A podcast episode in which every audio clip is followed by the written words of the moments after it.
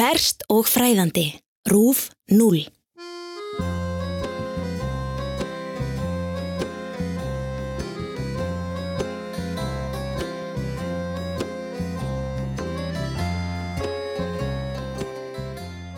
Það getur verið erfitt að byrja í nýju starfi, það þekkjum við vafalust öll. En það var sérstaklega erfitt fyrir hérna þýsku Marju Baumgartner að byrja í nýju vinnunni sinni þann 31. mars árið 1922. Marja vann fyrir sér sem kaupakona á bóndabæjum og því fyldi að hún bjó á bæjunum þar sem hún vann, eitti þar flestum vöku stundum með bóndanum og fjölskyldu hans sem jáfnframt voru vinnuveitendur hennar og í hverju nýju starfi fólst í einnig nýtt heimili, nýtt sambilisfólk og nýtt líf. Og nú var hún sem sagt að hefja störf á nýjum bæ en eina ferðina. Marja Baumgartner hafði þurft að skipta oft um starf undanfarnar mánuði. Hún flutti stöðugt og var alltaf að skipta um umhverfi. Fram í februar byrjun þetta árið 1922 hafði hún unnið á bondabæ Húber fjölskyldunar sem bjó utaf við Pornbach í Bæjarlandi. Þaðan hafði hún flutt á bæ Gamallar Ekkju í Untervittelsbach, einnig í Bæjarlandi. Ekkjan hafði ekki tekið Marju vel og losað sig við hann ár sinni þjónustu við fyrsta tækifæri. Ekkjan saðist ekki kæra sig um starfskraft eins og hanna. Því Marja Baumgartner var bæði fölluð, annar fóturinn var stittri en hinn og hún haldraði og svo var hún líka örlítið þróskaskert, ekki alveg eins og fólk er flest, þó hún geti synt öllum störfum sínum sem kaupakona, vel og öruglega. Marja var 45 ára þegar þarna var komið sögu árið 1922. Franziska sýstir hennar var ári yngri. Hún hafi haft auga með Marju síðan foreldra þeirra dóu fyrir 15 árum og meðal annars hjálpað sýstur sinni að finna vinnu við hennar hæfi.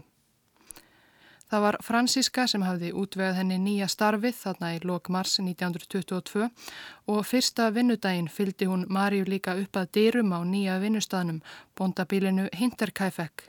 Það er rúma 70 km norður af Munhjen, milli bæversku bæjana Ingolstadt og Schrábenhausen. Forveri Marju, fyrri kaupakona á Hinterkaifek, hafði sagt upp og yfirgefið bílið í fússi nokkrum mánuðum fyrr. Hún hafði fullirt að það væri reymt á bænum, hafði heyrt undarleg hljóð og umganga á háaloftinu að næturlegi og vildi ekki búa þarna sekundunni lengur. En Marja og Franziska trúðu ekki á drauga eða neitt slíkt. Þetta var bara ansi reysulegur bær og þarna er því vafalaust ágætt að vera, saði Franziska við sístur sína á leiðinni. Engin ástæða til að óttast eða vera tauga á styrki við neinu. Yngri sýstirinn stoppaði þó stutt við í Hinterkaifek þennan eftirmiddag 31. mars. Henni fannst hún hljóta heldur fálegar móttökur hjá heimilisfólkinu á bænum sem virtist helst vilja að Marja tæki til starfa sem fyrst og hvetti sýstur sína strax á bæjartröpunum.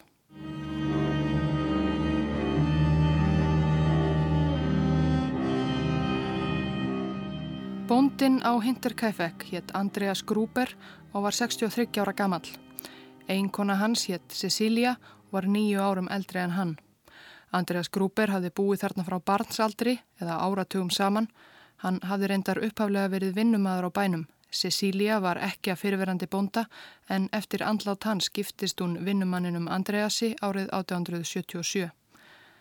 Þarna í sveitinni fór ekki sérlega gott orð af Gruber fjölskyldunni.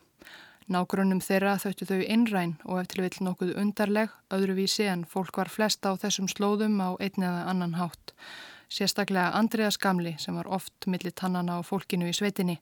Nágrununum þótti hann nokkuð ruttalegur og það var alltalað í sveitinni að hann hefði beitt börnin sín miklu hardræði og barið þau miskunna löst í æsku. Af þremur börnum grúperhjónana hafði aðeins einn dóttir lifað fram á fullóðins aldur. Hún hétt Viktoria og var 35 ára árið 1922 þegar saga okkar gerist. Hún bar eftirnafnið Gabriel eftir einmann sinn, Karl nokkund Gabriel. Þau höfðu gift sig árið 1914 en eftir einungis örfára mánaða hjúskap var Karl Gabriel kallaður í herin í heimstyrjöldina sem þá var ný hafinn og þaðan snýri hann aldrei aftur. Karl Gabriel kvarf ofan í skotgrafiknar í Fraklandi eins og ótal aðrir ungir menn á þessum tíma. Eftir að eiginmaðurinn dóflutti Viktoria aftur til föðurhúsana. Þar bjó hún enn átta árum síðar, árið 1922, með tveimur börnum sínum, dótturinni Cecíliu Yngri sem var 7 ára og síninum Jósef. Jósef Littli var bara tvekkja ára og því greinilega of ungur til að vera sonur Karls Gabriel sem hafði jú dáið fyrir átta árum. Fyrir fæðingu Jósefs hafði Viktoria átt stutt samband við Lorenz Slittenbauer. Sá var bondi á nálægum bæ og áhrifamadur þarna í sveitinni um tíu árum eldri en Viktoria. Slittenbauer hafði með nokkrum semingi fallist á að vera tillaður fadir Jósefs Littla á fæðingarvottorðinu. Slittenbauer var þá nýlega búin að missa eiginkonu sína til margra ára og sóttist eftir hönd Viktoríu í hennar stað. En það tók Andreas Gruber ekki í mál.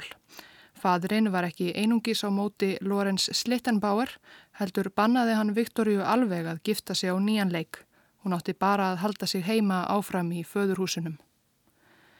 Fólkið í sveitinni var ekki í vafa um það hvers vegna Gruber gamli hafði hafnað bónordi Slittenbauers og þá voru líka fáir sem trúðu því að Slittenbauer væri fadir Jósef Littla.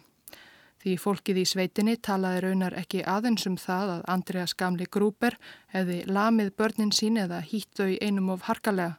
Það var líka almanna rómur þarna í sveitinni að Viktoria hefði eignast Jósef og hugsanlega bæði börnin sín, hérna 7 ára Cecíliu líka, með föður sínum. Þetta var reyndar meira en bara orðrómur í sveitinni því málið hafði ratað fyrir domstóla á sínum tíma. Árið 1915 hafði hérastúmur í Nauburg dæmt feðgininn Andreas Gruber og Viktoríu Gabriel í fangelsi fyrir Sivjarspell. Fadurinn hlaut árstóm, dóttirinn einn mánuð í fangelsi. Við réttarhöldin fullirti fyrverandi vinnukona á bænum að hafa komið að þeim feðginunum í heisátu í hlöðunni. Þau virða svo ekki hafa látið sér segjast því aftur árið 1920 hafðu yfirvöld afskipti af þeim vegna ásakanum Sivjaspell en enginn var þá dæmdur. Það var hjá þessu fólki sem Marja Baumgartner átti að vinna og búa með. Vonandi er þið vistinn nú lengri en hjá síðasta vinnuveitenda.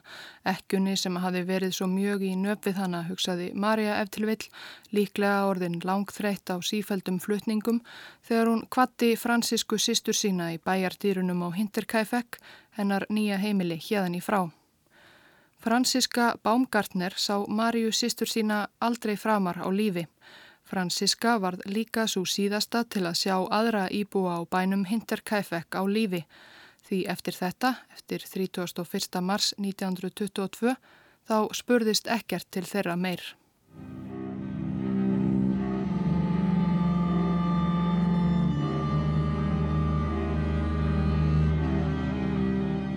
Eins og fyrr segir var grúper fjölskyldan ekkert sérstaklega vel liðin í sveitinni. Þau þóttu einræn og sér á báti en þó voru þau, Andreas Gruber, Cecilia eiginkona hans, dóttirinn Viktoria og börnin hennar tvö, hluti af þessu bændasamfélagi. Og það vakti því eftirtækt og þótti sannarlega undarlegt þegar fólkið í sveitinni áttaði sig á því í byrjun april að ekkert hafi sérst til neins af bænum í fjóra daga. Brefberinn hafi tekið eftir því að í nokkra daga virtist enginn hafa hreift við póstinum sem hann bar út á Hinterkaifek-bílið. Cecilia Littla hafði ekki mætt í skólan, Viktoria hafði ekki mætt á æfingu hjá kirkukornum og engin af bænum hafði verið við messu síðasta sunnudag. Það var að kvöldi 4. april, fjórum dögum eftir að nýja vinnukonan Marja Baumgartner kom til Hinterkaifek sem fjórir menn úr sveitinni tóku sig saman og ákvaðu að aðhuga málið. Leðtogi þessara fjórmenninga var Lorenz Slittenbauer, bóndin sem hafði fyrir nokkrum árum átt stutt samband við Viktoríu Gabriel og var allavega nafnun til fadir sonar hennar Jósefs þó fæstir hafi trúa því í svetinni og kannski allra síst hann sjálfur. Þegar þeir komu á staðin virtist bærin vera algjörlega mannlaus. Engin ansaði hrópum og kollum fjórmenningana. Hafði fjölskyldan gufað upp. Allar dýr voru lokaðar og læstar en dyrnar að útihúsinu, hlöðunu og fjósinu stóðu opnar. Þangað inn fóru þeir fjórmenningarnir því fyrst. Það var komið kvöld og það var myrkur inni í fjósinu. Aðkomi mennir fálmuðu sig áfram, litu niður svo þeim skrikaði ekki fótur í óreiðu hlöðugólsins. Engver virtist hafa hleyft kúnum út úr básunum sínum og þær ráfuðu frjálsarum fjósið og bauluðu hástöfum þegar aðkomi mennina barað gardi. Svo kom einn mannana auga á nokkuð í myrkrinu. Það er fótur, rópaði hann, svo hinn er hrukku í kút. Og ekki einungis fótur því þarna í stóri heisátu lágu bondahjónin Andreas og Cecilia Gruber, dóttirinn Viktoria og Cecilia litla sjóra, dóttir hennar. Öll greinilega löngu látin, lík þeirra blóðug og illa út leikin. Þetta var hræðileg sjón, fjórmenningarnir voru slegnir. Lórenz Slittenbauer sagði síðar við yfirheyslu hjá Löruglu að hans fyrsta hugsun hafi verið að leita að Jósef, hvort sem drengurinn var nú sonur hans eða ekki. Hann var sá eini í fjölskyldunni sem lá ekki þarna í heginu, hann gæti verið enn á lífi. Slittenbauer hljópin í íbúðarhúsið og fann fljótlega Jósef í barnarúminu sínu í Svefnabergi Viktoríu. Því miður var hann líka látin og jafn illa leikinn og fjölskylda hans. Og í kaupakonu herberginu, þar lág Marja Baumgartner. Hún hafi varlega verið byrjuð að koma sér fyrir í sínum nýju vistarverum því morðingin, hver svo sem það var, hafði greinilega látið til skarar skrýða strax um kvöldið 31. mars, einungis örfa um klukkustundum eftir að Marja Baumgartner kom til Hinterkaifek. Rannsókn lauruglu leiti síðar í ljós að líklega hafði morðingin með einhverjum ráðum lokkað heimilsfólkið úti í hlöðuna þetta kvöld. Síðan réðstan á þau, vopnaður þungu verkfæri eins og haka. Andreas Gruber hafði átt eitt slíkan sjálfur og gemti í verkfærakistu sinni en nú var hann á bak og burt. Öll hafðu verið slegin mörgum sinnum með þessu þunga verkfæri. Viktoria var þó áberandi verst leikin og hafði hlotið flest högg. Krupningin leti síðar í ljós að öll hafðu þau dáið samstundis, öll nema Cecilia litla Viktorjudóttir, 7 ára. Hún hafði lifað árásina af og leið hjálparlaus í heginu í hlöðinni við hlið myrtra ættinga sinna, mömmu, afa og ömmu í margar klukkustundir á meðan henni blætti út hægt og bítandi. Á meðan hafði hún tætt af sér hárið á höfðinu hverja tæjuna á fætur annari.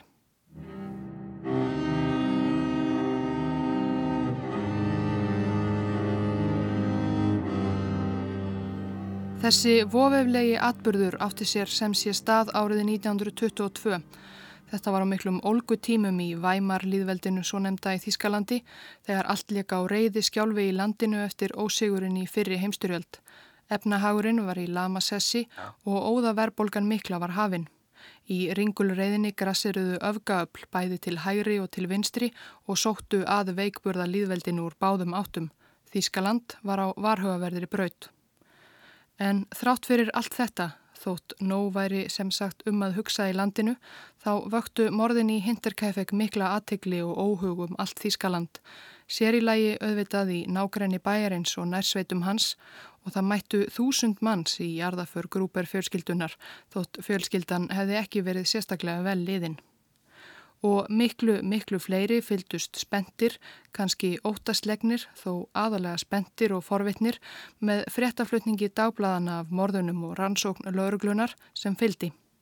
Forvitið fólk þyrptist meira að segja til hinterkæfekt til að sjá morðstaðin með eigin augum og dæmi voru jafnvel um að einhverjir hafi reyndað hreyðra um sig á mannlausum bænum og dveljast þar yfir nótt.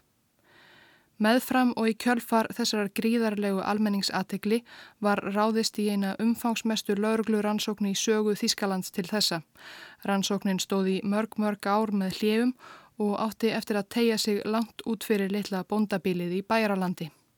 Það kom fljótt í ljós þegar lauruglumenn fóru að ræða við fólkið í sveitinni að nokkrum dögum fyrir morðin hafði Andreas Gruber nefnt við nokkra nákvæmna sína að hann hefði séð dularfull fótspor í snjónum við bílið hans. Það var komið langt fram í mars en þetta var kaldur vetur og jörð var enn kvít á þessum slóðum. Sporin virtust liggja frá nálagum skógi og að bænum. Það sem Olli Andreas Grúper mestum áhyggjum, sagðan, var að hann fann hvergin einn spór tilbaka. Hann hafi líka tapað likli að bænum nýlega og fundið dagblad frá munn hérna á landarengsinni sem engin á bænum kannadist við að eiga. Það leit út fyrir að einhver hafi verið á ferli við bæin dagana fyrir morðið, en hver og í hvaða erindagjörðum. Lóreglan rannsakaði alla kíma á hinterkæfek bílinu eftir að líkin fundust. Á lofti bæjarins fundur lóreglumenn augljósmerki um nýlegar mannaferðir. Engver virtist hafa leið þar í leini, jáfnvel svo dögum skipti. Var það eftir vill morðingin sem beigð rétta augnabliksins að láta til skarar skrýða. Það sem var svo kannski enn ótrúlegra var að morðingin eða hver það nú var sem hafi dvalist þarna á háaloftinu, hann virtist heldur ekki hafa látið sig hverfa eftir að hann eða einhver annar framti þessi greimilegu morð. Þar hann fljóttu fyrir lögurglu að dagana fjóra sem lík grúperfjölskyldunar lágu óuppgötuð á bænum virtist einhver hafa dvalið á bænum, einhver hafi samviskusamlega brynt hústýrunum og mjölkað kýrnar. Nágrannar fullirtu líka setna að þeir hefðu þessa fjóra daga séð reik stíga til heimins úr strómpinum og að hafa séð flögtandi ljósum bræða fyrir inni í bænum. Morðingin virtist í hafa dvalið þarna í marga daga eftir að hafa myrt allt heimilsfólkið og hróttalegan hátt. Það var þá og er enn hryllileg tilugsun Hvers konar maður var það einlega sem hafði rólegheitum mjölkað beljurnar og gefið á gardan meðan all blóðugu lík lágu þarna í næsta nágrenni.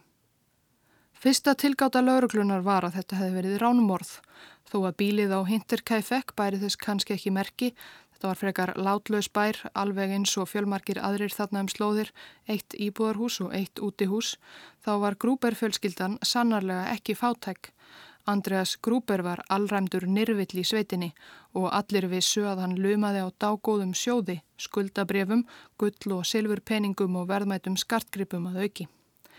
En tilgáttanum ránmorð fjallum sjálfa sig þegar sjóður Andreasar Grúber fannst að þér virtist alveg óhreyður á bænum. Sjóðurinn var ekki sérstaklega vel falinn, hver sem er hefði geta fundið hann auðveldlega. Morðingin virtist raunar ekki hafa haft neitt á brott með sér á bænum og hafi greinilega ekki verið á höttunum eftir verðmættum fjölskyldunar. En hvað vakti þá fyrir honum?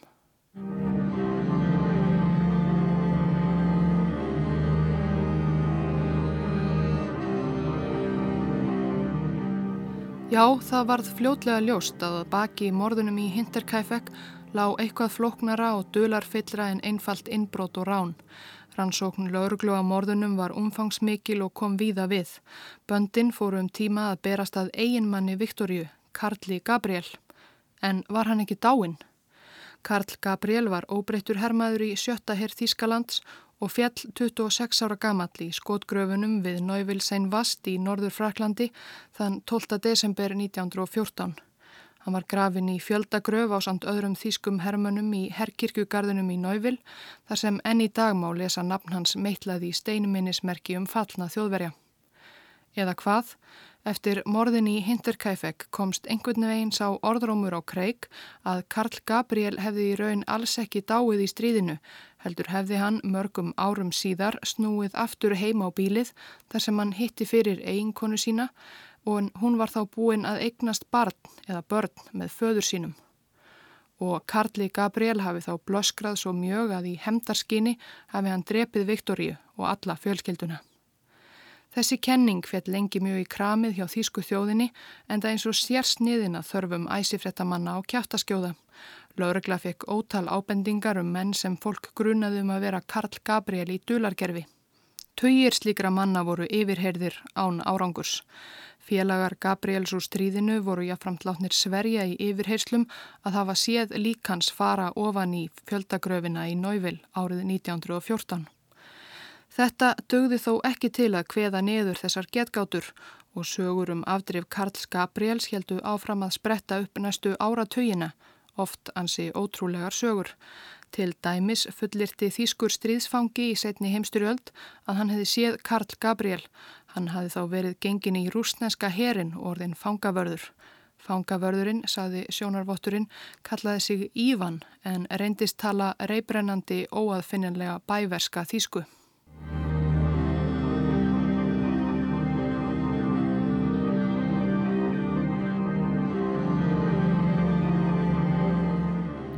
Aldrei fylgdi þessari kenningun einn skýring á því hvar Karl Gabriel hefði átt að halda sig á árunum 1914 þegar hann átt að hafa dáið til 1922 þegar hann var sagður hafa myrt fyrverandi eiginkonu sína og fjölskyldu hennar.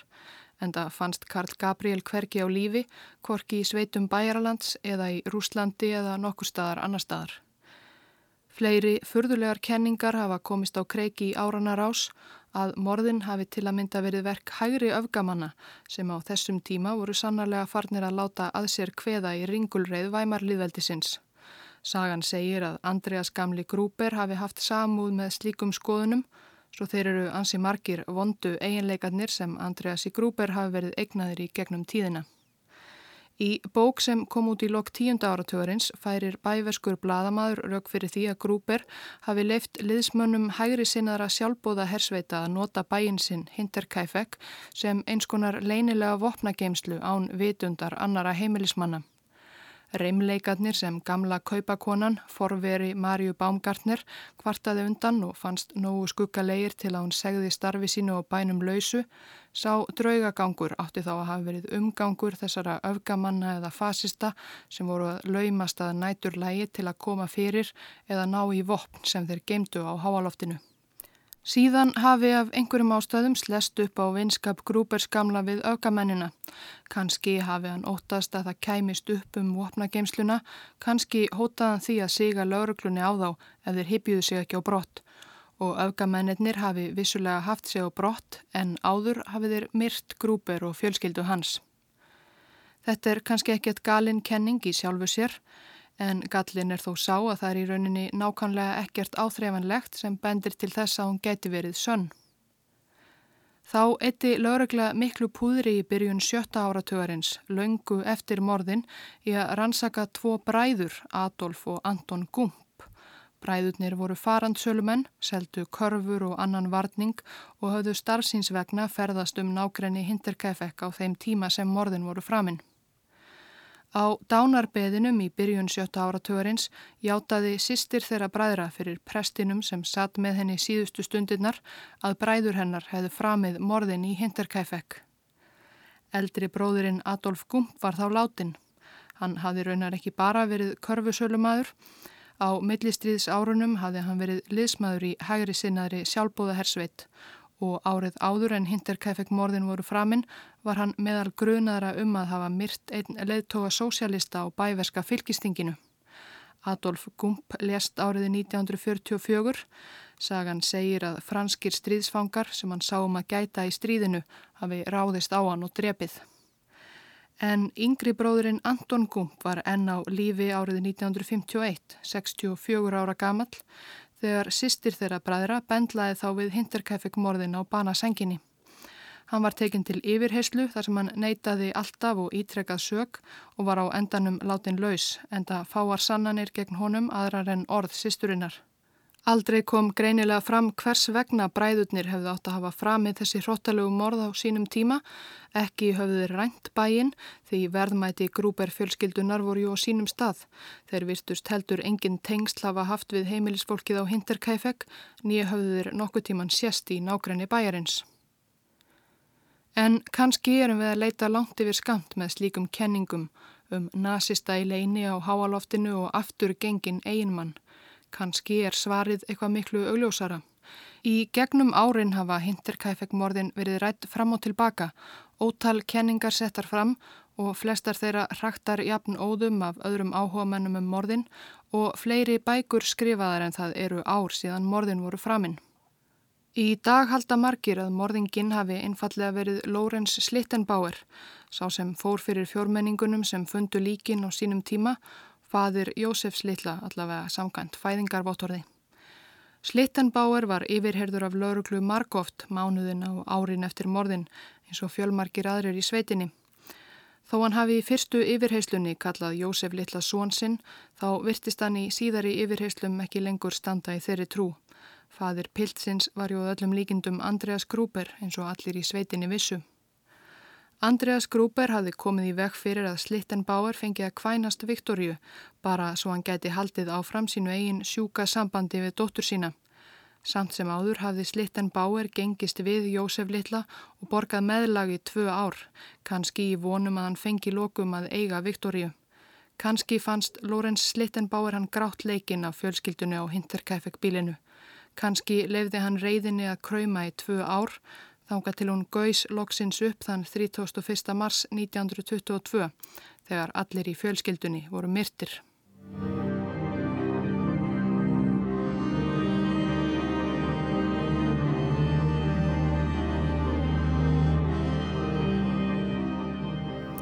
Morð bílið eins og bærin Hinterkaifeck var oft nefndur eftir morðin sem þar voru framinn, var rifinum ári síðar. Á gamla bæjarstæðinu stendur engin bær í dag og fátt sem bendir til þess að þarna hafi verið framinin allræmdustu morði sögu Þískalands nema lítið minnismerki. Fá óleist sakamál eða sakamál almennt hafa vakið jafn mikla aðtikli í þýskri sögu og málið heldur stöðugt áfram að vera á milli tannana á fólki. Eins og fyrr segir hafa ótal bækur verið skrifaður um málið og leiti maður að heiti bæjarins á netinu má sömulegis finna ótal vefsíður þar sem fjallaðir um málið niður í minnstu smáatriði og umræðu síður þar sem fjöldi fólks ræðir morðin frá öllum hliðum og allar mögulegar kenningar. Mikið af upphaflegum skjölum og laurugluskíslum um málið glötuðust þegar skjálasafn lauruglunar í Augsburg eðilaðist í eldi í heimstyrjöldinni síðari. Rannsókn á Hinterkaifeck málinu var formlega lokið árið 1986, 64 árum eftir að hann hófst. En í hugum margra verður þessu máli líklega aldrei lokið.